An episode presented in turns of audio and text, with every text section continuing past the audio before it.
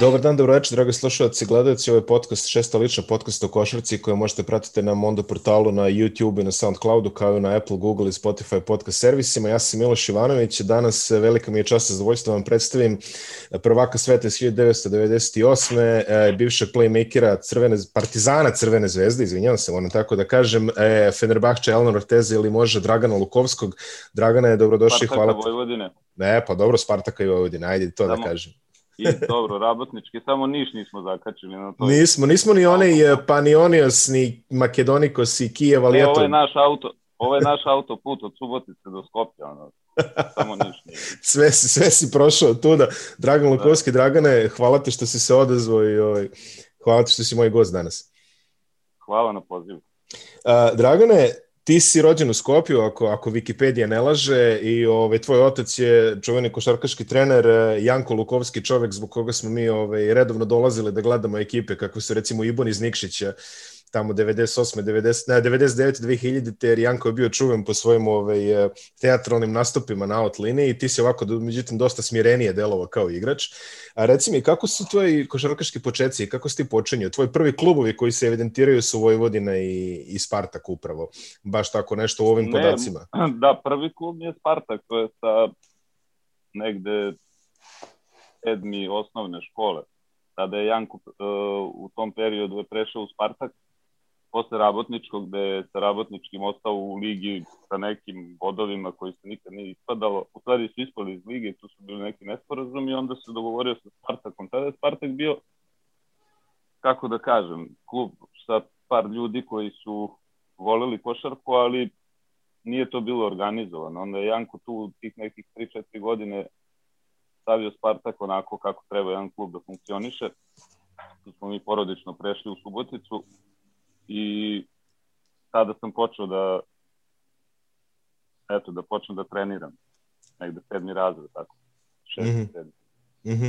I prve korake... I posle toga, Da. posle toga je bila, posle toga je bila Bačka Topola, gde smo isto imali neki, Janko je dobio ovaj posao, pošto tada nije bio autoput, sad ne znam, verovatno je to zanimljivo onako priča, tada nije bio autoput od, bio je od Feketića autoput, nije bio Subotica, Novi Sad. Da, mi koji smo I išli u jako- Budimpeštu, ono, Da. 2000 tih Da, pamtimo. jako je t- tranzitna je bila jako taj, taj put kroz Bačku Topolu, onda smo mi tu dobili neku hamburgeriju, bili su neki, neki lokali, to je bio neki ugovor, tu smo, Janko je bio u prvoj Srpskoj, onda me on uzeo tad sa 14 godina, ja mislim 14 godina sam trenirao sa tim nekim prvim timom, ali to je negde otprilike sad naša prva liga, recimo, kvalitetom. Tako da, ovaj, i onda posle toga smo, posle toga je nastao, onda je posle toga prešao u onu rabotnički, mi smo se preselili godinu dana sa Naumovskim Ivanovićem, ta generacija koja je bila veoma uspešna za, za Skoplje. Tamo sam prešao u juniore, kadete juniore ekipu. Tu smo jedne godine igrali isto i neki, neki završni turnir u Čačku. I recimo na tom turniru su bili Radošević, bio je onaj, kako se zvao, Kar, Kara, nije Karabatić, ne znam, tako imali su Užice, imala dobru, dobru selekciju. Zvezda Tomašević je bio tu recimo u Zvezdi i tako neka generacija. I posle toga, posle toga je nastao raspad Jugoslavije i onda smo mi seli da pričamo, da vidimo šta ćemo, kako ćemo, jel videlo se da Makedonija i, i Rabotnički ne idu u tom nekom pravcu košarkaškom gde je Jugoslavija i tada sam ja odlučio, imao sam da biram i onda sam odlučio da se vratim u Subot, sam poznavao grad, proveo sam 3-4 godine u, u osnovnoj školi, imao sam društvo. Tada je Finac uzeo bio Spartak, gde su bili mlada ekipa sa Koturovićem, Miškovićem, Aleksićem, sad da ne nabrajam ko su svi ti neki mladi, dobra generacija da se radilo sa mladim i to je to. Posle toga, posle tog Spartaka, posle dve godine, posle dve godine, Janko im je u stvari govorio još posle prve godine da, da sam spreman, tad sam imao nekih 17 godina, da sam spreman da, da mi daju šansu da ne uzimaju starije igrače, da, mi, da me trpe. Mislim, ja to sve znam iz tek kasnijih godina, ja nikad nisam znao o čemu se tu radi, mislim šta se dešava. Tako da su tu neku drugu godinu su doveli Đokića, pošto ja nisam mogao da, kao bio sam mlad, nisam mogao to da nosim. I, i onda sledeće godine je Janko uzeo Vojvodinu i tada se dogovorio sa Spartakom ko će uzeo me za prvo play u Vojvodini sa nekih 18-19 godina i tad je krenulo, da kažemo, eto, ta neka seniorska košarka i Partizan, kasnije Zvezda, i tako. Uh, spomenuo si Finca, beše Goran Miljković, tako beše zove ovaj. Da, Goran Miljković. Da, Goran Miljković, Finac, naš legendarni ovaj stručnjak kasnije vodio Beočin tamo posle ovaj, Mute Nikolića. U Vojvodini imao si dobru Jeste, ekipu. On je, posle, on je posle bio dosta dugo radio u, u Mađarskoj sa Stojanom da. Ivkovićem, je dosta sarađivo i tako. A, iz Vojvodine ti si prešao u Partizan 1995. Kako je došao do tog transfera? Ti si tada bio, imao si 20 godina, znači ako i punih 20 godina uopšte. Tako, da, 19 na 20, da. Tu sam punio prve godine, a 20. A došlo je tako što ovaj, smo imali stvarno sjajnu sezonu, niko nije verovao u Vojvodini, kad je to možda i najmlađi tim i kasnije ja ne verujem da iko i jedan tim bio tako mlad sa Vesom Petrovićem, sa Stanojevićem, sa mnom, sa Bolićem, ko su bili Vladimir Zarić i bilo je sad par nekih starijih onako, ali imali smo dobar rezultat, ispali smo u polufinalu te godine. I onda je nastupio ovaj, tu je šteta što taj sponsor koji je bio Panšped u Vojvodini nije našao nije našao neki dogovor sa gradom, sa, ne znam tačno šta se dešavalo i ta generacija je tako ono, u, u Novom Sadu propuštena. Mislim da mi pro, kroz par godina da smo nastavili tako sa još nekim pojačanjem da smo sigurno mogli da u to vreme se borimo za, za prvaka, ali dobro, onda smo se to što Vojvodina nije nastavila, onda smo se svi rastavili Stanović i Bolić, ja mislim u Zvezdi, ja sam u Partizan i tako ali sam tu još uvek bio igrač Spartaka. Ja sam kao na nekoj pozajmici bio, gde je ovaj, gde Janko s njima u to vreme dogovorio neku sumu koja je bila onako ni mala ni velika, ali su se otprilike u Subotici ono kao u fazonu smejali kao vratit se, neću ni ovo proći što je zamišljeno. I onda je tada, tada je dogovor bio između Partizana i Spartaka, tada je Nenad Čanak kao junior i prvotimac Partizana prešao u, u Suboticu, a ja sam dobio slobodno da pređem u Partizan, pošto sam bio Spartakov igrač. Mm. Eto, to je, to je nešto možda ljudi ne znaju. I u prvoj utakmici, čini mi se da ti je debi zvanični za Partizan bio ona čuvena utakmica protiv Benfike možda. Pa sad ne znam kako je to bilo, mislim, ne mogu se setim da li je prva. To su bile kvalifikacije za Ligu šampiona. Da. Da. I ovaj, Miroslav Berić je to pričao, ali ti si vodio onaj čuveni poslednji napad koji je, koji je trebalo da, da se... bilo, bilo je jako, ovaj, uh, tada je Ranko Žerevica bio trener, da. Tako? Da, da. I on dugo nije radio, Ranko dugo nije radio sa, sa ekipom u takmičarskom pogonu u tom nekom periodu, je Ranko više pomagao klubovima, više u Španiji recimo radio i tako, i onda je tako bio neki nesporazum da on nije, on je mislio da ne, ne znam koliko smo izgubili prvu utakmicu. Ili, nerešeno da, je bilo prva. Prva nerešeno, jel? Da, da, da, nerešeno. E, i onda prva je bila nerešena. Jeste, prva je bila nerešena. Znam da je bilo nešto kao da da ovaj da držim loptu da bi u produžetku napravili veći Tako je, da. da bi prošli ono i onda je tu bilo konfuzno i sa ja se više sećam Tragija on je bio kapitan tad i onako sa njim onako neku smo imali nije to nesporazum ili neka svađa, ali nekako je bilo ono šta radiš, igraj vamo tamo, tako u tom nekom. Da, davno je bilo, ali se sećam toga da je bilo onako dosta čudno i smešno da, da smo kao celi produžetak, evo, nije bilo produžetaka tada. Ja mislim da ne, ja mislim da smo mi jedan razlik igrali prvu Ne, ne, iz, ne, sigurno je prvo je bilo nerešeno, drugo ste izgubili, Carlos Lisboa je dao nekih 20 trojki, mislim, ne pamtim, nešto je bilo baš... A, jeste, jeste, jeste, jeste. Baš, je, baš, baš nam se potrefila istorijska generacija Benfike, ja mislim, koja je tad igrala i Euroligu i bila zapravo dobar tim u Euroligi. Da, ali dobro, vi onako sveži, niste igrali Evropu, ovaj, pa većina tih igrača zapravo i nikada, ajde da kažemo, koji da. su došli. E, kako izgledala tvoja prva sezona u Beogradu? Eto, ti kao jako mlad dolaziš i odmah ti daje već, e, da kažemo, bitne zadatke na poziciji organizatora igre. A u početku je bilo, u početku kad sam ja dolazio je bilo, više sam bio kao neki, da kažemo, projekat koji će za dve, tri godine dobiti neku ulogu ozbiljniju u Partizanu, međutim brzo sam se tu izborio za tu poziciju da mogu da igram i faktički sam ja tu bio kao prvi, drugi, ali sam bio ozbiljno u rotaciji, ozbiljno u ekipi takmičarski, sam bio pomoćni igrač od početka. Tako da, imao sam, imali smo dobru sezonu u Vojvodini, to je bila moja to je bila sezona u kome sam ja stastao, da kažemo, profesionalno i igrački na svim nivoima i sa fizikalijama i sa načinom treniranja i sa odnosima profesionalnim i bilo je onako za sve nas jako, jako važno i za Bolića i za Stanojevića, Vesu Petrović ta sezona da, ne, da nije bilo bilo bi koji sad u Srbiji jedna generacija u, u, u Vojvodini je postojala. Da. Tako da, eto to, to je to. 96. 7. Partizan se ovaj, posle, da kažemo, ovaj, kraće pauze iz objektivnih e, razloga niste mogli da nastupate, vraća u Euroligu i odmah počinje sa, sa jako dobrim partijama. Nažalost, e, danas i nema toliko puno snimaka svih tih utakmica.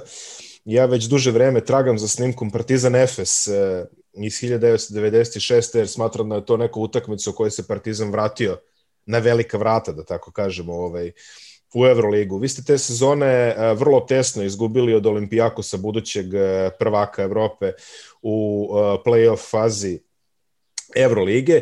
Pitaću te za dve utakmice. Pitaću te za utakmicu protiv Efesa i takođe kasnije protiv Barcelone kada se Saša Đorđević vratio u Pionir i pitaću te za utakmice koje su možda i nosile najviše tenzije tih godina, to su susreti Partizana i tadašnjeg, čini mi se, Kroacija osiguranje, to je s ekipe Splita, kako se tada zvala sponzorski, koje su igrane da. u Pezaru i u Solunu, ako se ne varam, kao, domaćinstvo, da, kao, da, kao domaćinstva, da, da.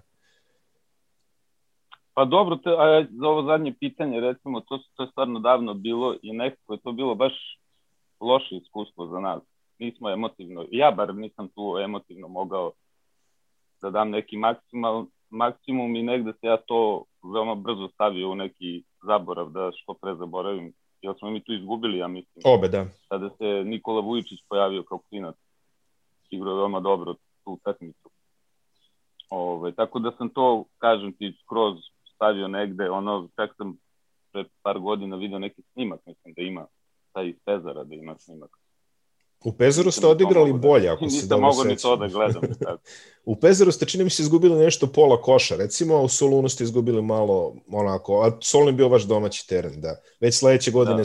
su bili Beograd i Zagreb, ali dobro. Lako ćemo. A to utakmica protiv ne Efes? Ne znam da, da li ti ovaj, slučajno, ja mislim da je Ulker, ne Efes. Ne, ne, Ulker je sledeće godine. A sledeće, on. Da, da. Efes, da, Efes da, je bio 9697 sa Naumovskim, Karaševom. E, jeste, jeste. Da, da. da, da. Huseinom Bešokom i, i tom ekipom i to je po meni ovako jedna prva velika pobeda novog Partizana, da kažem, ovog iz, iz Srbije. Pa dobro, znaš šta, meni je meni je Naumovski posle Dražana Petrovića idol bio, na njima sam odrastao kao sportista. Mm -hmm. I ovaj, ja sam gledao sve treninge kao klinac i bio u sali utakmice kada je Naumovski bio u Rabotickom sa Jankom. Tako da sam ja njega veoma dobro poznavao, ono, čak sam naravno kao klinac uh, imitiraš neke poteze, pokušavaš neke stvari koje, koje idoli rade, jel?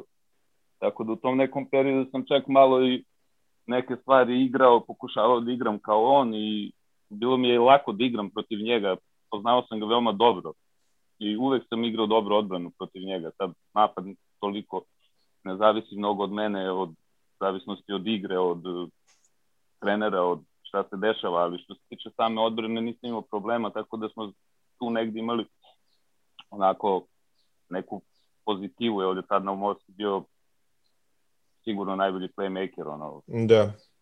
Koji je Ako ne najbolji top 3, onda. Bio je čo, šta, bio čovek ekipa, nije bio ono neki playmaker koji igra za ekipu, nego se cela ekipa se vrtela oko njega, tako da to je to možda nešto interesantno. I te, te utakmice sa Olimpijakosom, vi ste izgubili prvu u Beogradu, onda ste pobedili u Pireju, čini mi se 60-61 je bio rezultat i onda je bila jako napeta jedna ovaj, e, majstorica u Beogradu.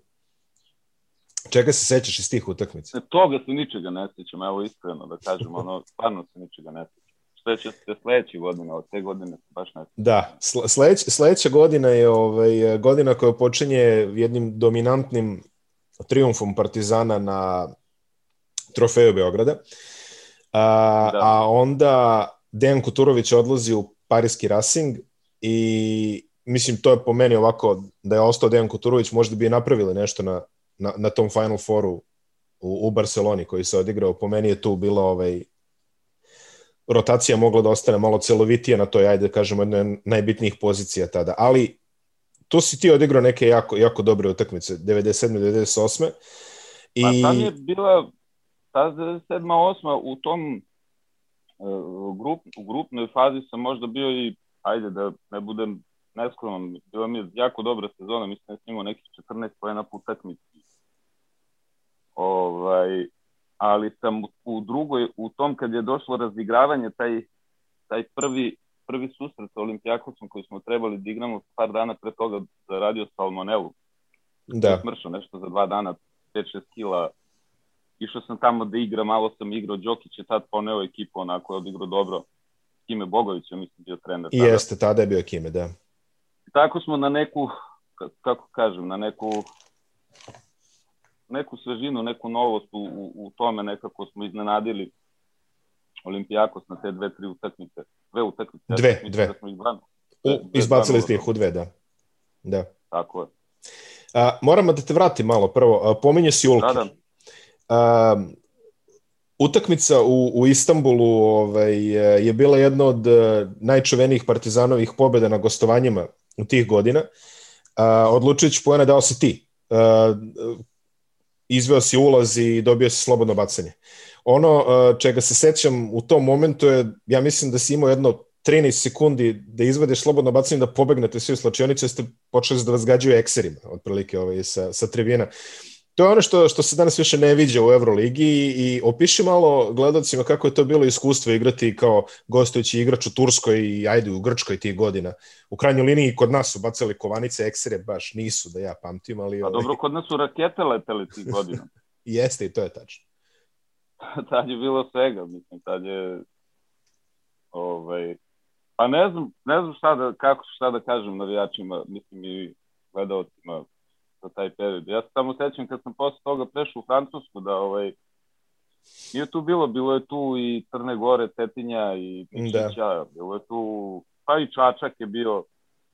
Kraljevo. Bili su, teš, da, Kraljevo, to je, sve teške gostovanja, teške teš, teške navijači su bili, ali ovo, ja sveći kad sam prešao u Francusku, onda su mi rekli kao je sad idemo u Gravelin, tamo su ovaj, tamo je jako teško igrati, navijači su jako nezgodni i tako, i onda se ja se spremao ja ko, ko u Srbiji, Jugoslaviji, na navijače, ono, mislim, puna sala, sve to okej, okay. svi sa transparentima, svi galame, ali to nije, da. nemaš nikakvu opasnost na terenu. Da, da, ne, neće ovi. Godina kod nas neće niko da te, da te veša posle. Ove, da, da prođeš ti pored navijača slobodno. Tako da. A, proživao si tada i ovaj, gostovanje u Zagrebu, koje isto ovaj, je bilo jako napad, tada je prvi, te sezone je prvi put dozvoljeno da srpski i hrvatski klubovi budu domaćini jednom drugome i Partizan je da. imao dvomeč protiv Cibone. A, bila, bila je to utakmica u Zagrebu, to je baš tamo negde, mislim da je to Kimetova možda i prva utakmica ili druga, tako nešto, mu te baš tu negde ovaj, prestao da bude da, trener. Ne, da. I o, posle, posle toga imali ste odlične utakmice protiv e, tim sistema, ne znam da li je bio AEK ili više sad sam, sad sam i zaboravio, ali ja, da. Uh, pobedili ste tim sistem sa Carltonom Myersom, Dominikom Wilkinsom, uh, tim velikim igračima. Uh, posle Olimpijakos je bila je odlična serija protiv CSKA iz Moskve, kada je bilo baš ja. ono uh, prepuno sve i onda je bio Final Four. Kako pamtiš taj Final Four? Pa kao jednu, kako da kažem, jednu sportsku ekskurziju. Mislim sad, prošle godina, pa malo može da se priča o tim nekim periodima i šta ja znam, mislim da smo mi tamo otišli malte ne turistički. Mm. Svi su poveli devojke, svi su poveli porodice, drugare, roditelje, šta ja znam. Bilo je onako dosta turistički. Nismo mi bili spremni za taj Final Four.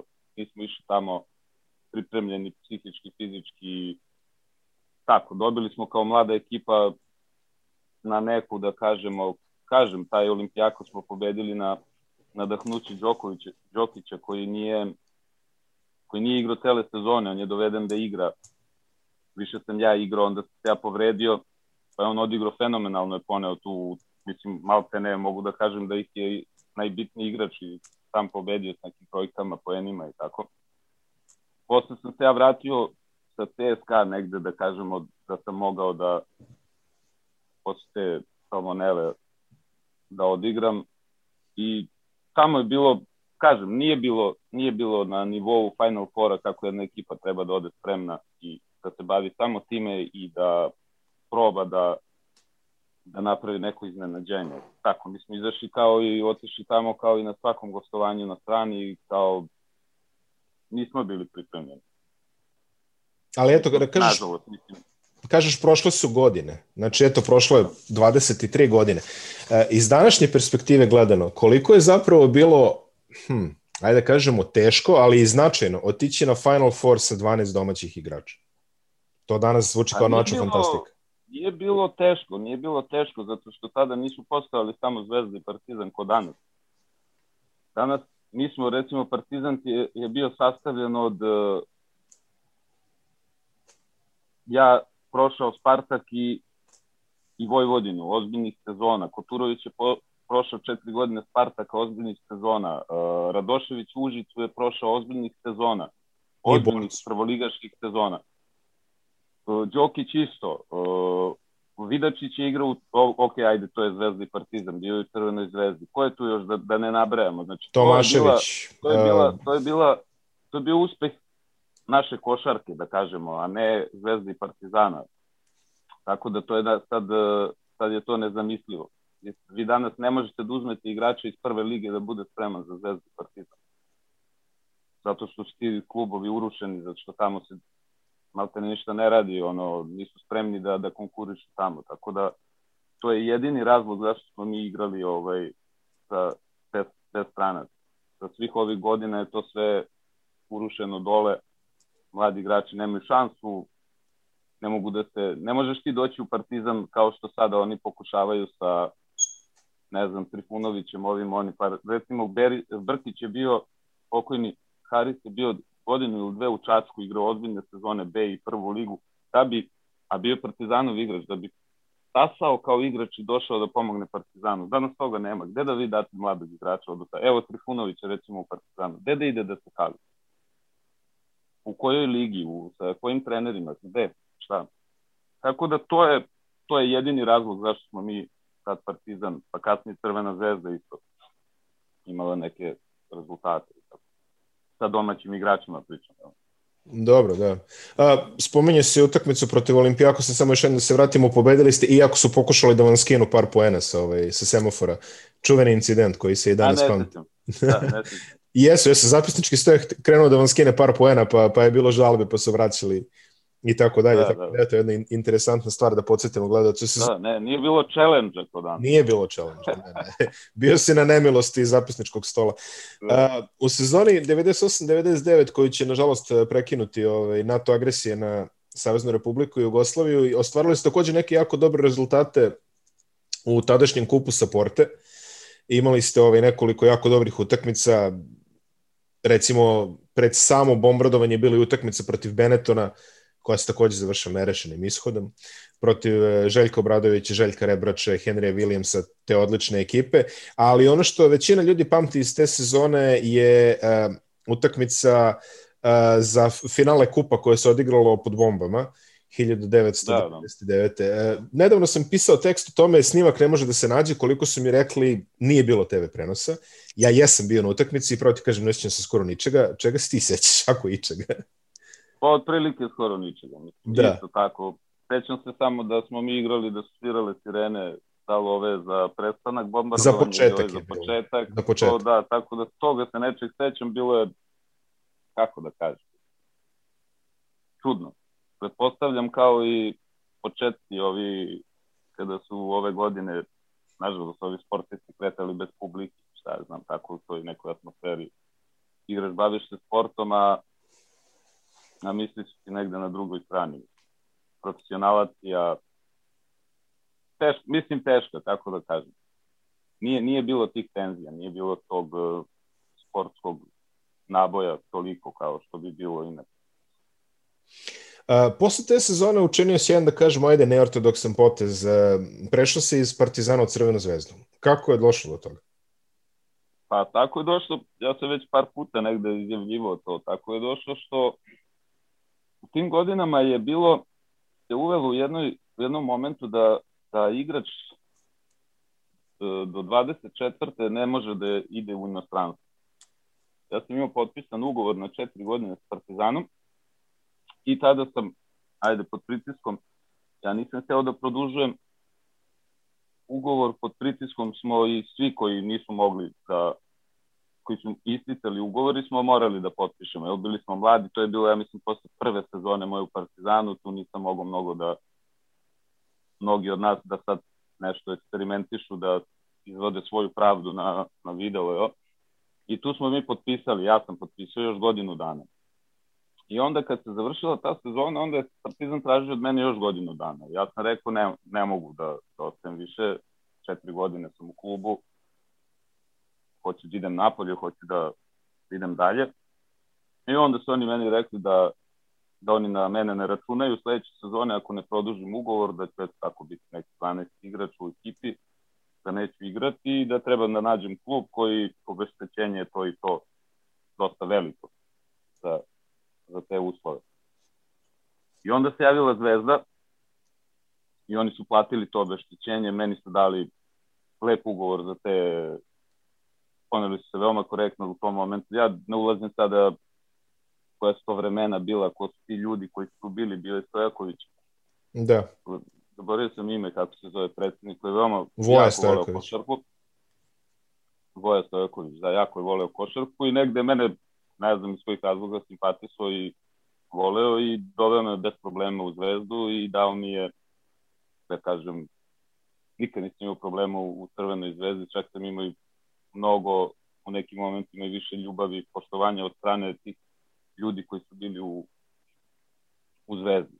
Eto, tako je to prešlo. Ja nisam, nisam mogao da biram, jer je obeštećenje bilo jako veliko za mene u tom trenutku da ja nađem da neko plati. U to vreme je bilo dva stranca u Italiji, dva stranca u Španiji.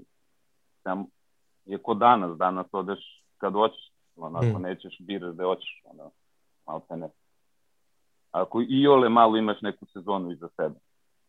I tako je preš, došlo do prelaska u Zvezdu. Čega se sećaš iz te sezone? Igrali ste Euroligu. Dosta jednu turbulentnu Euroligu. da, da, da. Promenili par trenera. Tako da. Lepa je to bila, lepa je drušina bila tada sa Boškovićem, Jasrpijevićem, Topalovićem, Rakočevićem, Radmanovićem, ko je tu još sve bio, Boli, Bolić je bio. Jer je bio Bolić? Mislim da jeste, da. Mhm. Mislim da je bio Bolić, da. Jedna odlična družina smo bili i slačionica i sve onako, ali smo imali problema kao što je negde otprilike tada i počelo to, a danas se to nastavlja gde se treneri menjaju veoma brzo. Mi smo te godine imali četiri trenera. Počeli smo sa Antonićem, nastavili smo sa Milatović, Milatovićem, pa je onda došao Lučić pa Karadžić. i onda je na kraju došao Karadžić. Da. Da. je bilo fenomenalno sa Karadžićem. Toga se dobro sećam. Trenirali smo veoma dobro, imali smo dobru atmosferu, igrali smo dobro i sećam se što sam jutro pre treću utakmicu sa Partizanom dobio sina Dimitrija. Eto, to je otprilike. To izgubili smo 3-2 od Partizana. Odlična Da serija. tek- Odlična je serija bila. Gubili smo 2-0, pa 2-2. Na kraju smo bez veze nešto zadnju loptu smo imali mi, ja mislim Bošković, tako nešto smo loše rešili. I ovaj, ali mislim da smo te sezone bili spremniji kao ekipa da da napadnemo tada u tom trenutku budućnost koja je držala onako najbolje košarkaše u tom trenutku. Kupila je sve najbolje i reprezentativce i šta je znam. Mislim da smo mi tad bili spremni od Partizana da, da igramo to finale. Ja mislim da Partizan 3-0 izgubio ili koliko se igralo, ne znam. Da. Je bilo baš lako za, za budućnost. Ja ne pamtim koliko je bilo, ali mislim da je budućnost bila baš dominantna ovaj, da. te sezone. Ig ali mi smo bili spremni za, spremni za njih. Tako, izgubili smo taj derbi, pošto je specifično, to su specifične utakmice. Da ja mislim da nije to bilo derbi sa tim tenzijama gde ti nosiš ne samo ja, nego čitave ekipe i oni i mi sa takvim nekim da je neka druga ekipa, recimo budućnost sa tim kvalitetom, mislim da smo bili kvalitetni i spremni, samo što smo zasluženo Partizan, ja ne kažem da nije zasluženo pobedio, ali jedna lopta je odlučivala. Pričaš o tenzijama. Kakve tenzije si ti doživeo kao igrač Crvene zvezde u derbiju kada si pre toga četiri godine bio igrač Partizana u kome si postoji reprezentativac i šampion sveta? Pa dobro, ja sam tu dobio ovaj ja sam tu dobio obećanje da, da me niko neće dirati ni vređati ako pomognem navijačima, međutim to, to nije bilo tako. Jel? Pa dobro, mislim, to, ta vremena su bile jako, jako teške, tada pogotovo u Partizanu, Partizan je veoma ambiciozan klub uh, i veoma, kako da kažem, uh, on u, u to vreme je samo tituli i rezultati bili broj jedan u, u, u košarci. Tu se dešavalo da, da imaš ne samo ja, nego svi igrači u Partizanu, mi veći problema nekad imamo sa domaćim navijačima nego sa, sa protivničkim. Zbog nekih jel, ambicija i nekih njihovih viđenja kako to treba da izgleda i šta treba da se radi i tako. Tako da ja sam najveće ja sam najveće uh, najružnije najružnije ovaj, iskustvo imao sa partizanovim navijačima kada sam došao sa Portezom. Mm. To mi je bilo onako baš mislim, aj negde sam i očekivao nešto, ali tako nešto baš nisam očekivao. To je bilo, sećam se, Mate Skelin je, on je Hrvat, drugar moj, ovaj, kad smo završili utakmicu, kaže, brate, ovi mene nisu ni primetili. to je bilo, znači, čitava hala iz svih ćoškova koje god stigao, takve uvrede bile, takve, ono, ja sam bio stvarno, ono, mogu da kažem da sam bio jako, jako iznenađen.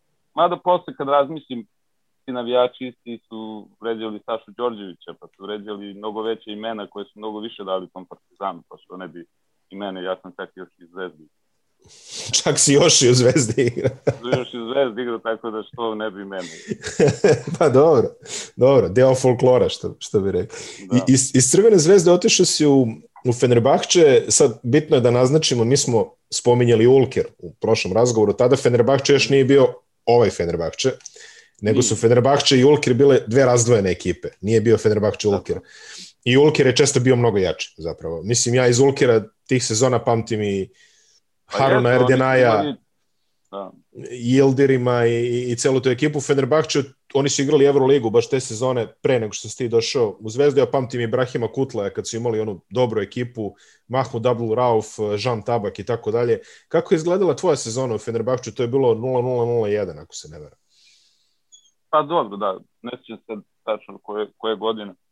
Pa ja sam ja sam ovaj uh, tu je mene Izić, kako se on zove sad, kao mi mozak, ali nije bitno Izić, je mene hteo u Fenerbahču. Tad je isto bilo, tada je bilo dva strance i jedan Bosman je mogu. Ne, da istočni Bosman, ja, da. Da, ja sam tu išao kao Bosman i stranci su bili Tanoka Berd i bio je neki Milk je bio, on je igrao te sezone još jednu možda imao problema sa nesportskim životom.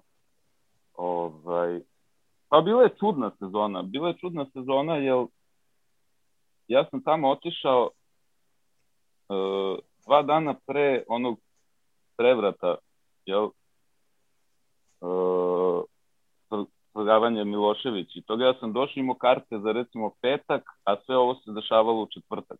Mm -hmm. Tako nešto je bilo, ali sam došao uh, sa olimpijade gde smo imali veliki neuspeh po meni, ali smo završili takmičenje jedno dve nedelje minimum dve nedelje pre ostalih sportista. Onda smo bili tako u, u Australiji da nisi mogao ni da treniraš. Faktički ja nisam, kad sam i manje igrao u reprezentaciji, nisam ja imao ni neke utakmice vezane gde sam ja mogao da budem spreman i šta ja znam. Ja sam došao u, u Fener veoma nespreman te sezone. Imao sam problema sa šutem, e, sa nespremnošću, pa iskreno malo sam i loše živeo, nesportski. I ovaj, bilo je loša sezona, mislim loša sezona, da kažemo neko statistički, to ovako što se tiče kluba i što se tiče sa igrača, trenera je bilo sve, sve na svom mestu. Ali sam ja imao veće ambicije od, od toga. Da, ja sam imao ambicije da budem u vrhu playmakera u Evropi, to trebalo da mi bude neka odskočna daska, bila mi je ono rupa, malo se ne. Jel, Otiš... jel sledeće godine ja, jel sledeće da. godine ja nisam imao ponudu do zadnje nedelje septembra, nisam imao uopšte ponudu. Tada mm -hmm. me Pešić nije pozvao u reprezentaciju te godine. Odnosno, on me je pozvao, Pešić me je pozvao u reprezentaciju da dođem 5. juna. Ja sam 24. 25. maja došao posle takve sezone na katastrofalne igrački, psihički, svakakve. On me je pozvao u tom, vre, u tom momentu su se pojavljivali Vujanić, Tica, tako ti mlađi igrači su se pojavljivali, da li Radmanović tad bio i tako. I on je napravio, bio jedno 20 dana u, u veter, ne veterniku, nego u železniku, neki trening. Onda sam ja tražio razgovor i rekao sam mu, rekao, ja ne mogu da dođem, nisam psihički dobar, povredit ću se, treba mi pauza, ne mogu to da, ovaj, da, da izvučem. I ovaj, on je kao meni rekao da je to zato što hoće da vidi kako ja treniram, kako se ja ponašam i tako dalje. On sam mu ja rekao, znaš šta, rekao, Kari, mislim, ja sam tri godine u reprezentaciji, možeš i kolege da pitaš ko sam, kako treniram i šta radim. I u krajnjoj liniji sam mu tad rekao, ako, ako ti samo budem trebao u junu mesecu za pripreme, zovi mi, reci mi, trebaš mi za pripreme, nećeš ići, ja ću doći full spreman da pomognem da treniram, ali sad u ovom trenutku ne mogu da ovaj, ne mogu da, da, da treniram, treba mi pauza, nisam dobro, ni psihički ni treba da se napunim da bi mogao da, da nastavim dalje. I onda je on rekao, ako ne dođeš na te pripreme, neće se pozivati tu je taj neki prekid bio reprezentacije, što je bilo za neku moju karijeru dosta dobro, ali bilo je super i za reprezentaciju, ta reprezentacija spojila i evropsko i svetsko, tako da... Preživeš bez tebe. pa, da, da. Teško. Ti si, ti si otišao, ti si otišao u, u Ortez uh, posle Fenerbahča. Jedan od, da kažemo, par gradova u Francuskoj gde je baš košarka onako prvi sport. Ljubitelji košarke u, u Srbiji su dobro zapamtili Ortez, jer je, boga mi, ja mislim da svake godine Zvezda i Partizan su igrali sa Ortezom, znači braću Gadu, da ih vidim na ulici, prepoznao bi ih otprilike. Da, da, Fred Fotu. Fred, Fred Fotu, da, da. Laurent Skiara da, i, i cela ta ekipa. Onaj, da. on je bio dobar njihov levoruki krilni igrač, kako zove, Fore, što je igrao u Baskoniji posle. Da, on je sad neki ovaj, pomoćni u reprezentaciji, sad je bio sa Crnom Gorom. Da, o, odlično, standardni francuski evroligaš uh, tih godina. Uh, nemamo baš puno ali. Te godine, ali te godina nije bila, nisu bili baš ti igrači. Da, da, pa da, to, to su one koje mi pamtimo. Ta generacija sad. bila. Da, da, da. Ovo je bila skroz nova generacija. A, nemamo puno priče baš o Francuskoj, a ti si u Francuskoj ligi igrao dugo, igrao si posle jednu godinu u Limožu, igrao si tri godine tada u Ortezu, bio si MVP francuskog e, prvenstva sa, zajedno sa Rikom Hillom iz Lemana uh, 2003. Ono što verovatno mnogi čak i ne znaju. Da si... Hill je bio uh, ne znam čega MVP, ja sam bio Leskipa MVP, tako bilo A, pa, nekih MVP. vodite se kao ko MVP-evi, eto. Na, na, na, da, da, da. Bile tako, su dve neke liste, da. Dve neke nagrade. A, kako je iskustvo igrati u Francuskoj, eto da kažemo, velikoj sportskoj zemlji, zaista sa, sa izuzetnom sportskom tradicijom u svim sportovima, ali eto, ti si igrao košarku u tamošnjoj ligi u neko vreme kada se njihova, da kažemo, velika generacija tek nešto nazirala ovo što će sada ići, što će sada biti. Pa da, mi smo, ja sam igrao tada, oni su bili klinci 19 tu oko 19 godina, braća Pietrusi, bio je Boris Djao tada u... Žela Bal, verovatno je ta... Ne, ne, Žalbal je bio, on je iz Šolea. Aha, aha. Ne, ne, mislim, ta, ta neka generacija. Da, da, da.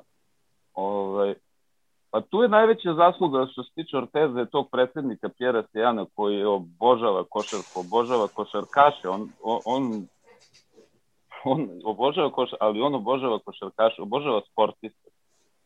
Tako da, ovaj, ja sam tamo bio potpisao na, tri, na šest nedelja, gde je čovek, ja sam, ali tad sam bio spreman, posle toga sa Pešićem i posle sezone sa Fenerbahčevom, tada sam rekao Janku da ovaj, 1. avgusta se spremi, da ćemo ići na Kopornik i da ću da radim šta god mi on kaže. I onda je tu bilo paklenih nekih 3-4 nedelja smo trenirali, radili, onda sam se vratio i onda sam trenirao sa sad mi je žao što neću moći to ime da izgovorim, neki, ja mislim da sam Mića zvao, oni su nisu Kotež bili, nisu Mirjevo, Mirjevo. Mm, Mirjevo. Mirjevo. To je bila simpatična generacija i onda me on primio, on je igrao nešto, treninzi su mi bili jako intenzivni, jako agresivni, sa puno trčanja, što mi je jako odgovaralo posle priprema da, da uđem u takvo nešto. I, ovaj, I onda sam odigrao fenomenalnih tih šest nedelja, imao sam nekih četiri utakmice u Euroligi i dve u ili dve u Euroligi, četiri u francuskom prvenstvu, tako nešto. I onda se sećam da je recimo to zadnje utakmice plako i onda je skupio sve ove i rekao da Dragan ostaje, da, da ovaj... Tako da, a u Francuskoj, recimo, u Francuskoj je prvi sport uh, ragbi. Mm. Znači, da. kod nas što je žurnal, ceo polovina je futbol, tamo je kod njih ragbi. Pa pogotovo tamo u Pirinejima, znači tamo je glavni ono ragbi ne, centrala. Ne, ne, cela Francuska, nema svi, cela Francuska. Samo se o ragbiju priča, čita, samo ragbi. Liga je veoma jaka. Onda je, posle je, kao kod nas u žurnalu što je košarka, kod njih je futbal i košarka je negde ko odbojka kod nas otprilike. Njima to je rukomet, jeli, između. ja, to je već ono ko, kod nas dalje. Da. da. O, mada i rukomet su imali oni dobri, da. Nekad su rukomet malo ispred košarke bude. Ali čisto Evropa, ne toliko liga.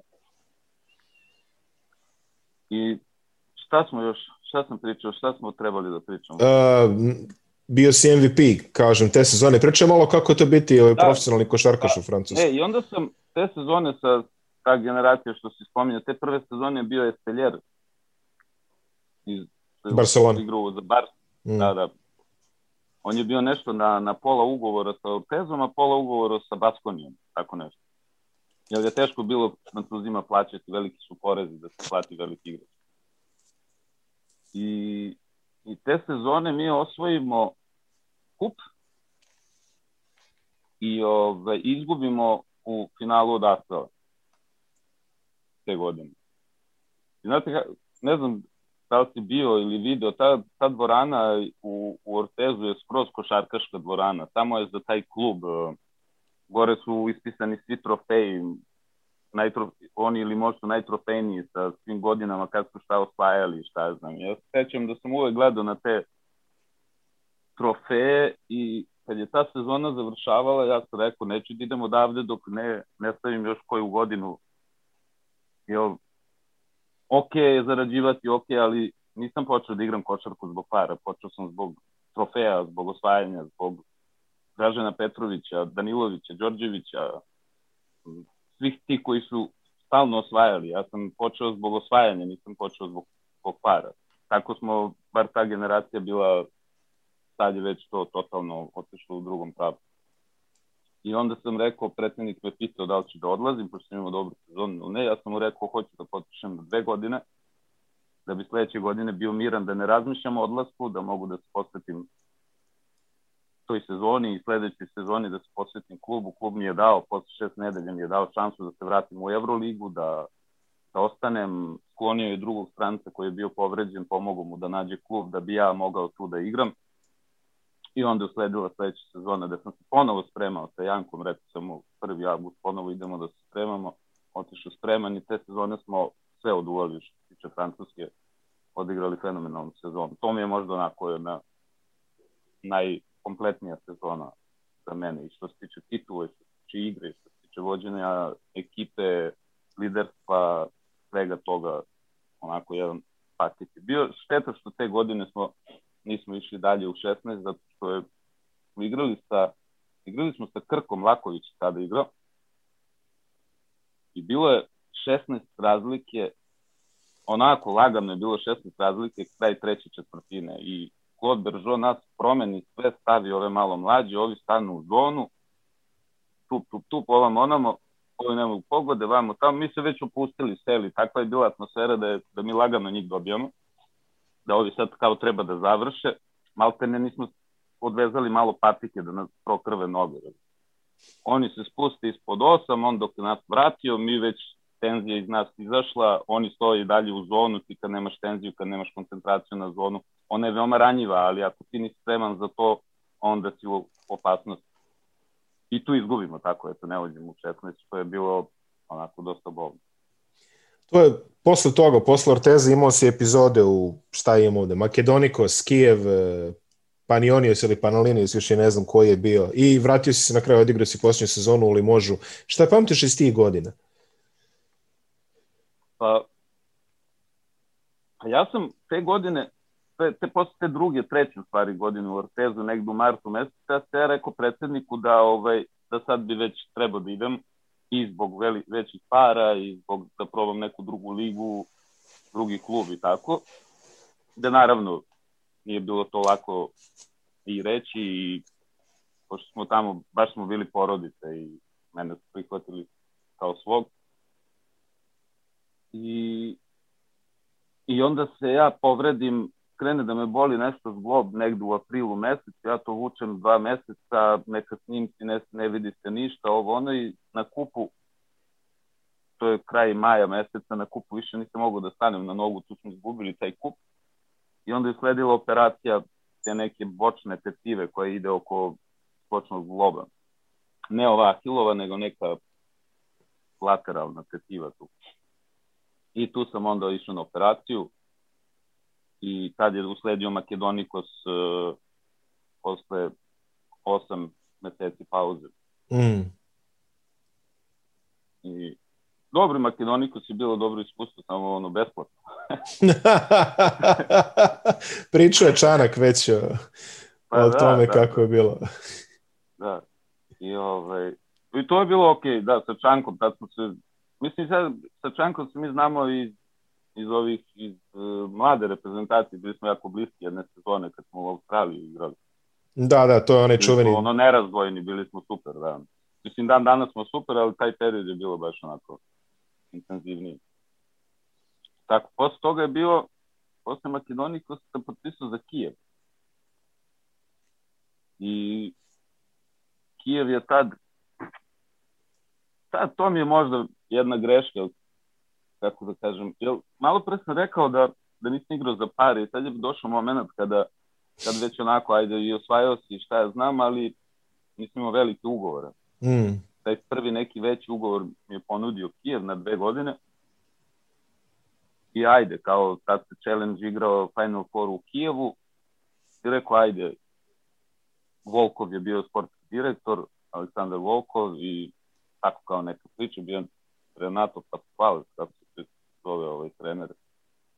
Tu, međutim, sa njim smo odmah u pripremnom periodu imali problema i ozbiljnih problema, međutim sam negde negde rekao sebi, znaš šta ono, imaš titule sa reprezentacijom, imaš sa klubovima, imaš kupove, imaš tako to, ali nisam imao i dan danas nemam, nemam titulu evropskog, bilo čega, neke challenge, neke bilo čega, ali sa klubom nešto evropsko da se osvoji. I mi smo bili tad na Final Fouru. Rekao, nema veze, neću ni da igram, samo da budem, da pomognem da, da osvojimo i odlazim. Međutim, nismo osvojili. Te godine je Aito sa Juventudom pobedio, tu su Rubio igrali, Fernandez, ozbiljna ekipa bila. Mada smo mm. mogli da ih pobedimo u polufinalu. I to onda... toga, da, i tu sam, tu sam ne samo to, nego život u Kijevu je bio katastrofalan za mene. Za nekog je bilo super, za nekog je, za mene je bio pakao. Prvo što tamo bude minus 20, duva kao košava, živiš u, u podzemlju, u tom vremenu, ne znam kako je danas, noćni život, e, kockarnici, to funkcionišu, sve ovo ostalo normalan život ne funkcioniše, meni to nije nikako prijalo. Sunca ne vidiš po ceo dan, minus, stalno su kolima, stalno si negde, ono, s druge strane, opet, ni košarka nije bila dobra sa odnosima. I on kad se, bukvalno kad se završio taj Final Four u hodnicima, posle kad smo izgubili od Juventuda, bio je, Miško mi je bio tada ovaj menadžer, ja sam mu došao, rekao, rekao Miško, molim te, znači, ne zanima me druga sezona, pare i sve to, vidi, dogovori se sa klubom da, da idem, ne mogu ja više ovde da ostajem i on se sad već počeo da razmišljam da on, malo sam tu već počeo malo da razmišljam da ostavljam košarku, jel, jer kažem, ja sam počinio košarku da igram, da budem u vrhu, da, da, da osvajam, da, da budem, to sam volio. Sad, koliko se ja stigo, stigo sam, nije bitno, ali sa tim nekim motivima sam se bavio košarkom. I sad tu je počelo posle povrede sa Ortezom, Makedoniji koji je ok, ok, malo smo se digo, igrali smo finale Uleba tada sa ovim Litvancima, sa Ritasom. I on sam mislio i tu ću da se pojem, međutim to je sve okrenulo nekako ka dole. I onda mi je Pavičević, Luka Pavičević, pošto mi znamo iz igračkog vremena i šta ja znam, i tako smo se dru, neki zajednički prijatelji su, smo stalno u vezi kad dođe leto na ista mesta smo izlazili, družili se i tako i kaže ja ću ti vratiti ovo, za Panionio. I, I ja mislim isto da smo ulep kup igrali Panionio. I onda sam posle ja mislim 10 utakmica negde kraj novembra, povredim rame, izađe mi celo rame, imam operaciju od 10-11 meseci sa ramenom nisam igrao.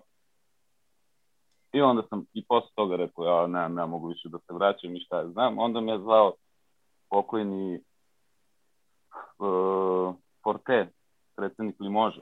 Frederik Forte, ja se zove Frederik. I, i ovaj, kao, aj Dragan, kao, da nam pomogneš kao da probamo da uđemo u prvu ligu, hteli da se vrate nazad. Ponudili mi na dve godine ugovor, ja rekao, ok, igra se subota, subota.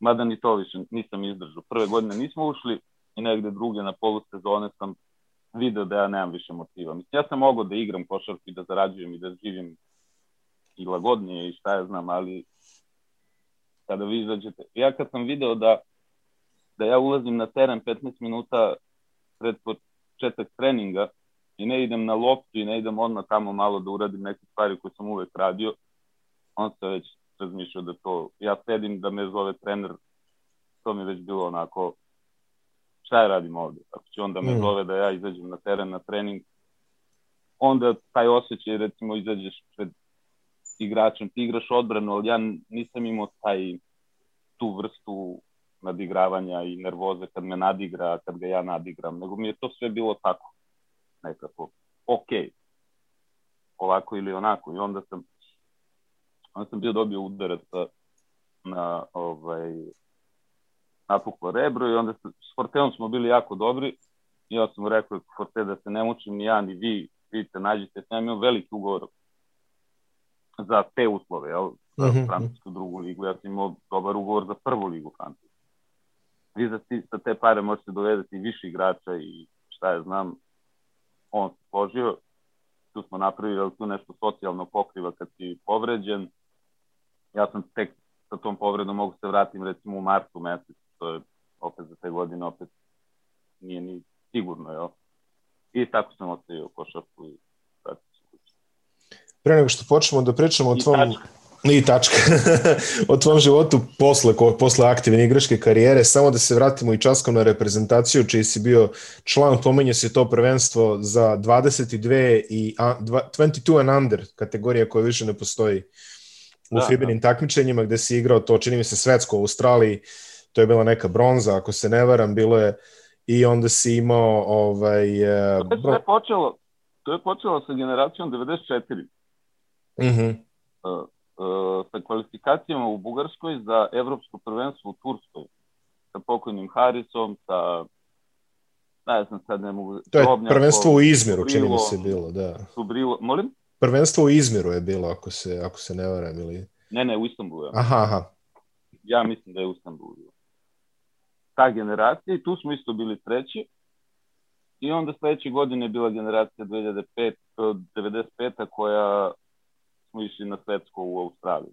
Darko Rus je bio trener. Ali tada je bilo, znaš kako je tada bilo? Mi smo tu iz te reprezentacije uh, nas šestoro, osmoro je bilo na širem spisku. Znači, kad, izađe kad je tada izlađio širi spisak A reprezentacije, mm. nas jedno šestoro je uvek bilo na tom širem spisku. I uvek si znao da kojim putem ti ideš. Tu igraš za mladu, ako je neka akcija, kao što su bile neke kvalifikacije sa Francuzima, uzimali su nas tu da, da, da igramo, bili smo u tom nekom sistemu, znalo se ne, neki put.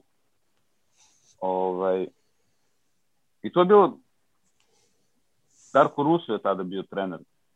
Imao sam veoma lepu saradnju sa njim, dan danas smo veliki prijatelji. On mi isto puno pomogao u, u životu. I van, van košarke, on je, kad sam imao problema u Partizanu, on je bio trener Beobanke. U stvari, to sve potiče od toga što je Darko Ruso je bio igrač u, u, u Subotici B ligi kod Janka. Mm. I mi se tako nekako znamo, ne dobro, ali ja sam bio klinac, vraćao im lopte, trčao po sali, tako, pa su me znali. I onda smo se tu kroz košarku, onako, tih reprezentacija, dosta zbližili, ali pričam profesionalno, ni, nikako ono, emotivno u tom nekom smislu. I on mi je dosta pomagao, čak sam imao krizu u Partizanu, znao sam par puta i da odem kod njega kući da razgovaram, da me smiri, da me usmeri, da, da mi pomogne da, da nastavim dalje, da mi objasni neke stvari. Tako. I nažalost, to, to nam je obostrana želja, nikad nismo bili sarađivali u klubovima. Pa promašio si ga za nešto, od, za malo. Jedna od mojih onako neostvarenih želja košarkaška. Uh, imao si boravak u reprezentaciji Koželjko Bradović 1998. kada si bio prvak sveta. 99. je jedno jako komplikovano i ta olimpijada koju si ovaj, već tada spomenju u Sidneju. Iz tih godina šta bi izdvojio? Pa dobro, verovatno su sad, to su bili serijali i šta ja znam, te 98. Jeste, da, da. Bila, sada da ne, ne ponavljam, to se već negde može da se čuje, to, to sigurno je jedna od najtežih priprema na kojima sam prisutvovao i da kažemo i to osvajanje svetskog prvenstva. Onda posle 99. to je bombardovanje pripreme u Solunu, šta je znam, ono, onda povreda Saša Obradovića na evropskom prvenstvu, pa onda moja povreda. Tamo, tu sam recimo onako na nesreću sale tu dobio neku šansu odmah prvu utakmicu na Jurčić ili kako se zvao Slovenac udari u Butinu napravi mi rupturu tu sam još par utakmica nešto malo odigrao pa sam dva meseca bio na pauzi nisam imao sreće možda tu da, sam, da je jedan play, nismo imali playa tada te 99. godine, onda je silom prilike Podirog je igrao playa gde, gde nije mogao, on je možda mogao, daleko od toga da nije mogao, ali nije, nismo sistemski mi trenirali da on bude playmaker. Mm -hmm. I onda kad je on mhm. došao kao playmaker, onda je malo se igra dosta promenila u odnosu na ono što smo igrali i onda je to bio problem kad smo izgubili od Italijana u polufinalu. Ali to nikad neću zaboraviti, to svima pričam koliko su tada Divac bio i Danilović i Bodiroga, koliko su oni za to za tu bronzu, koliko su se bili motivisali, koliko su bili sretni za tu bronzu, to ako ima snimak, neka mlađi gledaju. To je protiv Francuske bilo, je tako? Jeste, jeste. Da. Oni su to igrali kao finale, oni su sa toliko žara, sa toliko želje igrali to. Neke druge ekipe, kakve su, recimo sledeće godine smo mi te, trebali kao da igramo finale olimpijade, pa kad nismo, kad se ispostavilo posle poraza sa Kanadom da možemo sa Amerima samo u polufinale, recimo tada smo se mi onako da kažem, ajde prosto raspali kao i onda smo izgubili i za i ovaj i četvrtfinale, onda smo izgubili za peto mesto, tako smo završili. Jel smo pripremani bili da idemo u finale. Mm -hmm. Ali ovde u 99. će veći njih trojica pogotovo, pošto oni bili tad najveći, toliko su motivisali, skupili i bili zajedno da, da, da pobede tu utakmicu. Toliko su se radovali, skakali na terenu, to mi je onako jedan utisak veliki. Pa značilo je svim. U, u tom momentu, da. ovaj, ver, verujem, da. značilo je svim. Dragana, ti si ostao u košarci, ovaj, ti imaš školu košarke koja se zove Sport Key, funkcionišete u, u Novom Sadu i znači baviš se radom sa mladima, pre svega. Uh, rad sa mladima je... Nažalost. Nažalost. Rad sa mladima je nekako i ovaj, često budi fokalna tema u medijima danas i dosta je tu pitanja a, da li to može bolje, da li ovako, zašto nema više zlata u ovim kategorijama, u onim kategorijama, zašto više nema mladih igrača i tako dalje i tako dalje. To sve neke onako, ajde da kažemo, paušalne ocene. Ali evo, ja ću sada tebe pitati, znači ti si došao u Partizan sa 20 godina, prva, druga utakmica u karijeri, ti, tebi daju loptu u poslednjem napadu u kvalifikacijama Evrolige. A od sada u Euroligi šta moraš da uradiš da bi bio playmaker, domaći playmaker s 20 godina, to baš ne viđe se često, otprilike bilo je par nekih primera, evo sad Skoković igra, ali nije ni on toliko mlad. Kako se to pomerila granica između da sa 18-19 godina budeš prvi playmaker neke ekipe u domaćoj ligi, jer u tvoje vreme već sa 22 godine ako ne igraš, tebe već otpisuju kao propalog talenta ili tako nešto, a ovde sada imamo situaciju da sa 22-23 godine ti još uvijek tretiraju kao mladog igrača. Pa, mislim, ajde, slušalci, gledalci, ako su pratili od početka, pričao sam jedan deo za taj deo. Dru, drugi deo je veoma problematičan, to je ono, mislim, onako narodski, sto babica kilavo dete. Mm. Znate kako, ja kada sam pre par godina otišao da, da overim licencu, ne znam gde je to bilo. Ko je to? Nije ni bitno, Mirjevo, nije Mirjevo. Mirjevo, jeste, na Mirjevo ima neka sala tamo. Znači ja prvo kad sam dolazio, to je masa trenera već završavala, masa ovako izlazila. Ja kad sam došao u tom hodniku, onako hodnik 5 sa 5 kolona, onako u, u pet tih nekih uh, gde treba da se prijaviš, i sala je već puna unutra. I još dolaze treneri. Pa čekajte vam. Koliko mi trenera imamo? To, to je bilo 3000, 4000 trenera tu prolazilo. Čekajte. E, to je jedan problem. Drugi problem, ajde, s jedne strane je dobro da, da škole košarke e, su dobre zato što drže bazu, drže decu u košarci, ne odlaze u drugim sportovima to je dobro, ali sa druge strane mi kad smo bili klinci, kad trebao da počinješ da igraš nešto, ti si imao jedan klub ili dva, zavisno od veličine klub, grada. Ti ako tu prođeš, ti možeš da igraš. Ako ti tu ne prođeš, ti ne možeš da ideš u drugi klub. Nema ga. Znači ti tu moraš da prođeš, tu da se na jednom mestu.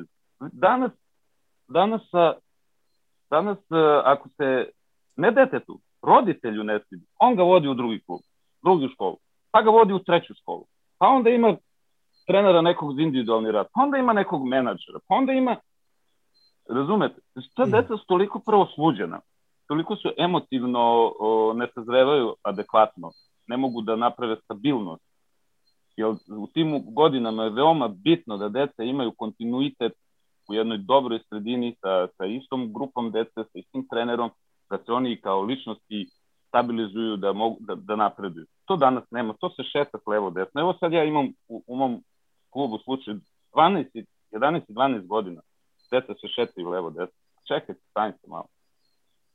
I onda ja pitam gde idu oni. Idu na neku proveru, sada ne spominjem klubove, mm -hmm. idu na neku proveru. Ja rekao, čekaj sada, ko su ti ljudi koji ih proveravaju? Ko proverava? Sad sad, Janko nije dobra provera. Sedam godina su kod nas u klubu. Vi pored mene i Janka idete neko da vas provera. Ko su ti ljudi? Recite mi ime i prezime. Recite mi koliko šarkaša su napravili. Pa kao medicinski pregledi. Pa rekao, ajde reci mi šta hoćeš od medicinskog pregleda. Ja ću ti sutra u Novom Sadu sve medicinske preglede koje ti misliš da treba to teta da dobije, ja ću ti organizovati. Tako da, a da ne pričamo o, o ome kako se, mi smo svi u istom košu. Mm. Ja sam u istom košu i, i Janko u istom košu.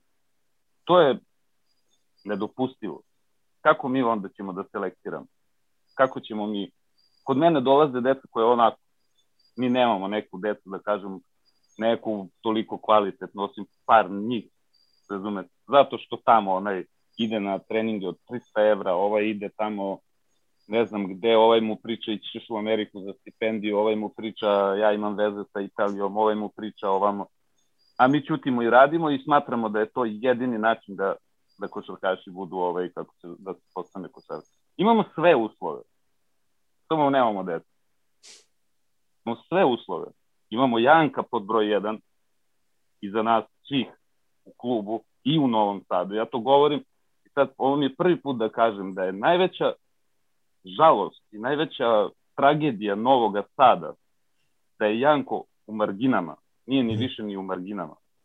Čovek koji je stvorio i Bolića, i Stanojevića, i Topića, i Topalovića, i Radonjića, ovog trenera uh, Crvene zvezde, i mene, i Vesu Petrovića, i celu tu generaciju tamo. Pa da ne pričamo o Naumovskom, da ne pričamo dalje tamo igrača koje je na... Pa sada novih generacija Jelovca, i Voševa, ovog Savića 3 na 3, imamo tu tih nekih klinaca, koji su eto tako, ne iz nekih selekcija. Vi danas u, u, u, u Novom Sadu imate selekcije. Mm. Neke selekcije. Oni ne znaju da se ponašaju, oni ne znaju, nisu fizički pripremljeni, oni nisu tehnički pripremljeni. To su sve neka deca koje će sutra trebati negde da, da konkurišu. Oni nema šanse da igraju košarku. Oni mogu da igraju ovu ovo što smo gledali, ovaj kup Vojvodina i ovaj mlado sa četiri stranice, on možda tu nešto mogu da igraju, ali to je sve veoma, veoma problematično. A da ne pričam recimo za Crvenu zvezdu, baš smo sedeli sa Boškovićem i sa Radonjićem malo ovaj, pred uh, kup, pošto su ovde igrao kup. Ne pričamo o zvezdi, zvezda ima, ja kažem, onako u šali njima kažem, ovo, ovo stvarno onako totalno košarkaški, ovo nema veze sa da se neko ne uvredi ili šta ja znam ova Crvena zvezda je spremna i ranije bila spremna da, a sad sa dolaskom ovim malim Uskokovićem, mislim da je još spremnija za još manje stranaca. Jer nije, nije Zvezda imala playmakera, niti Partizan dugo kao ko je mali ovaj Uskoković. Samo mu treba dati šansu i dobar rad da on eksplodira. On je velik, on je jak, brz, borben, takmičar je. Takvog playmakera ja nisam video sad skoro da smo mi imali E sad, kako će se to razvijati? Koje će tu politike krenuti u tim evroligama, košarkama, menadžerima, strancima i ostalo? E, to će da odluče neki drugi, a ne, ne to neće biti košarkaški i sportski faktor po meni. U nedavnom jednom, faktor.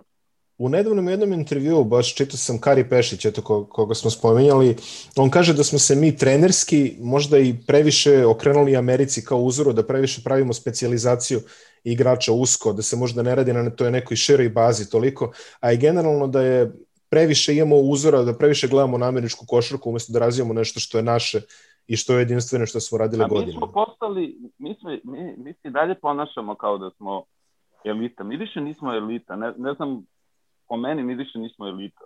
Mm -hmm. Pa naše su sve mlađe kategorije u B ligi. Nisu u A, u, u A diviziji, u B diviziji, sve naše mlađe selekcije. Pa gde mi idemo? Gde ova košarka ide? Meni je to tragedija. Mi nismo više, mi, mi uh, nismo avangarda više, mi smo dekadencija.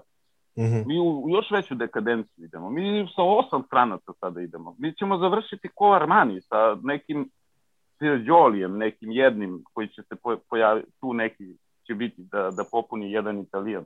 Da može da im prevede ovaj... I da im da, da, da im pomogne strancima da se snađu. Jo. Nemam ja ništa, ja ću sutra otići od košarka. Ali košarka gubi. Evo već su Janka izgubili. Znate koliko su takvih ljudi izgubili, koji su samo povukli, gledaju i pričaju sa najbližim. Dolaze neki ljudi koji priučeni, koji, koji ne vrše neke manipulacije, neke, neke, što kaže Janko to stalno priča, priču o Boši Tanjeviću, još kad su se pojavljivali menadžeri. Kako je on sa nekim klincem toliko ulagao i forsirao i ovo da bi mu došli roditelji kao menadžer Kaže, ja mu bio mama, tata, sve. E sad vi verujete menadžeru, ne verujete meni.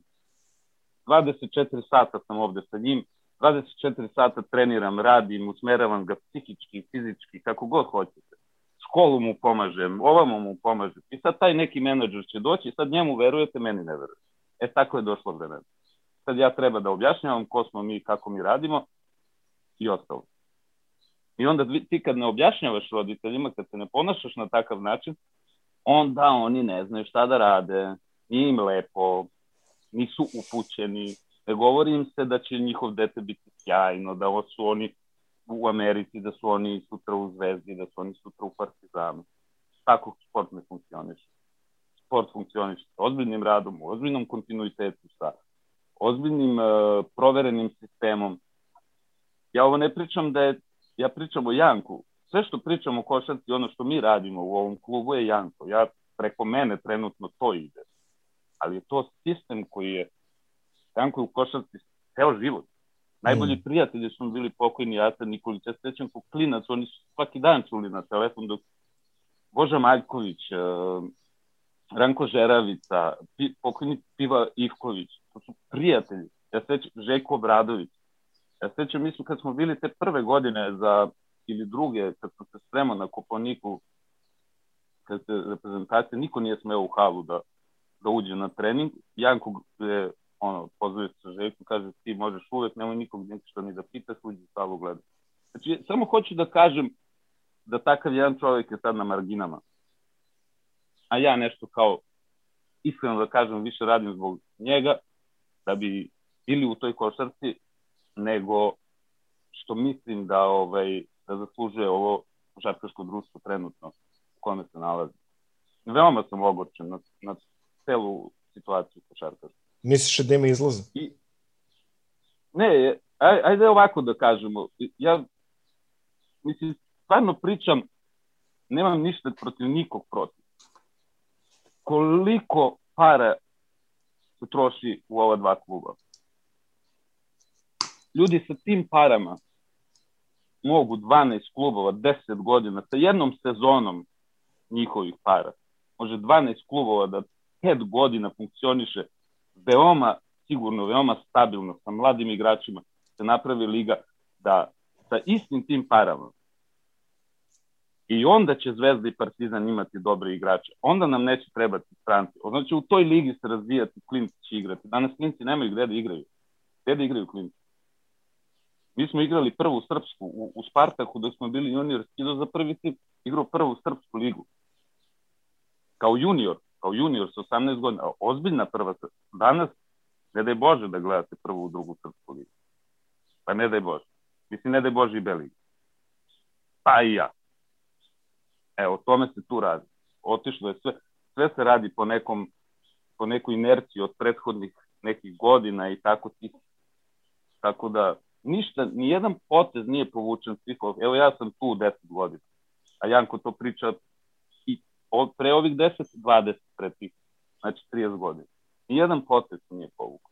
Mi, mi smo, i opet ću da kažem, ja sam kao reprezentativac i kao sportista, ja sam napravio, mi smo napravili halu, bavimo se mlađim selekcijama. Ni jedan čovek iz Saveza do dana današnjeg nije došao u, u tu halu.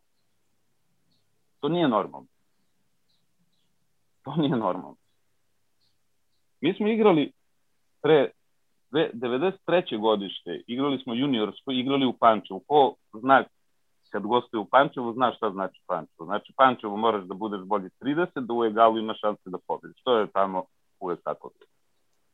Mi smo igrali jednu utakmicu fenomenalno. Mi smo se svađali dve nedelje pre toga, imali ozbiljnih problema sa klincima, to je bilo haos, rata, svega, nismo pričali svega i odigrali smo fenomenalnu utakmicu, jednu neverovatnu teškim uslovima i pobedimo šest razlika. Kad smo izlazi na, napolju, Predrag Miljuš, u tom trenutku bio, uh, ja mislim, glavni odgovorni urednik za košarku. I on je meni rekao, Dragane, ja ovo nisam vidio, da neko tako vodi mladi, da tako deca igraju, da, da tako predstavu u tom uzrastu to tako izgleda, kaže, ja ću morati nešto da napišem. Ja uđem sad sretan kod deca i kažem, bit ćemo u novinama. Nikada ja nije objasnio. Nikad. Kao čemu pričam? Čemu pričam? Gubi, gubi, uh, prave vrednosti se povlače. Ajde, ne idemo dalje, ali u košarci se prave vrednosti povlače, ali ne mogu da prođu, jer su jako teške, jer su jako zahtevne, nije manipulativno, jer je to svakodnevno jedna ogromna količina energije, koncentracije, posvećenosti da bi ti to radio i držao u nekom kontinuitetu i to ne može više da prođe, nažalost. A mislim ono. Mislim, ja nemam, ja kažem, mi nemamo ništa od toga. Mi smo u svemu, u, kad pogledamo nazad, kao trener Janko među najboljima na ovim prostorima. Ja kao igrač isto. Kao škola košarka napravili reprezentativce, napravili prvoligaške, napravili 3 na 3 najbolje na svetu. Znači, nemamo šta da sad kad mi kažemo ono, ej, žao mi što nešto nismo napravili. Ali je meni žao što mi nemamo šansu da pravimo puta 20 toga što smo danas napravili. Dragane, samo za kraj da te... Neko moje onako duša. I možda, možda i neki početak kraja. Pa, Dragane, u želji da ne bude tako, samo ću te vratiti ovaj, nazad na karijeru da mi kažeš koje su tri najteže igrača koje si morao da čuvaš na playmakerskoj poziciji tokom tvoje karijere. A pa nemam tri, imam jednog samo. Može. Nisam, ja sam uvek bio, ovaj, opet neću, biti, neću da budem kao nešto skroman, ovaj, jako dobro odbranben igrač, jako posvećen odbrani, jako teško si mogu da me nadigravaš u odbrani kad sam ja u odbrani. Sad u napadu opet kažem, sve zavisi od drugih stvari. Ali jedino koga nisam mogao nikada da kontrolišem, koji je sve diktirao na terenu je Šaruna Sertović. Znači tu nije, nije mi se, nije se postavljao pitanje da ja njega nešto poremetim, da nešto mogu da utičem na njegovu igru, da mu promenim, nisam mogo nikad. Ostale sam mogo. Imao sam dobrih utakmica, kažem ponovo, možda nisam uh, sa koševima bio dobar, ali ovako na u odbrani nije, redko ko je mogo da me nadigra. Dragane, hvala ti na izdvojenom vremenu i nadam se da ovo nije početak kraja, kao što si rekao, i da ćeš još ostati u košarci. Ja se jako nadam. Meni suze idu. hvala ti još jednom.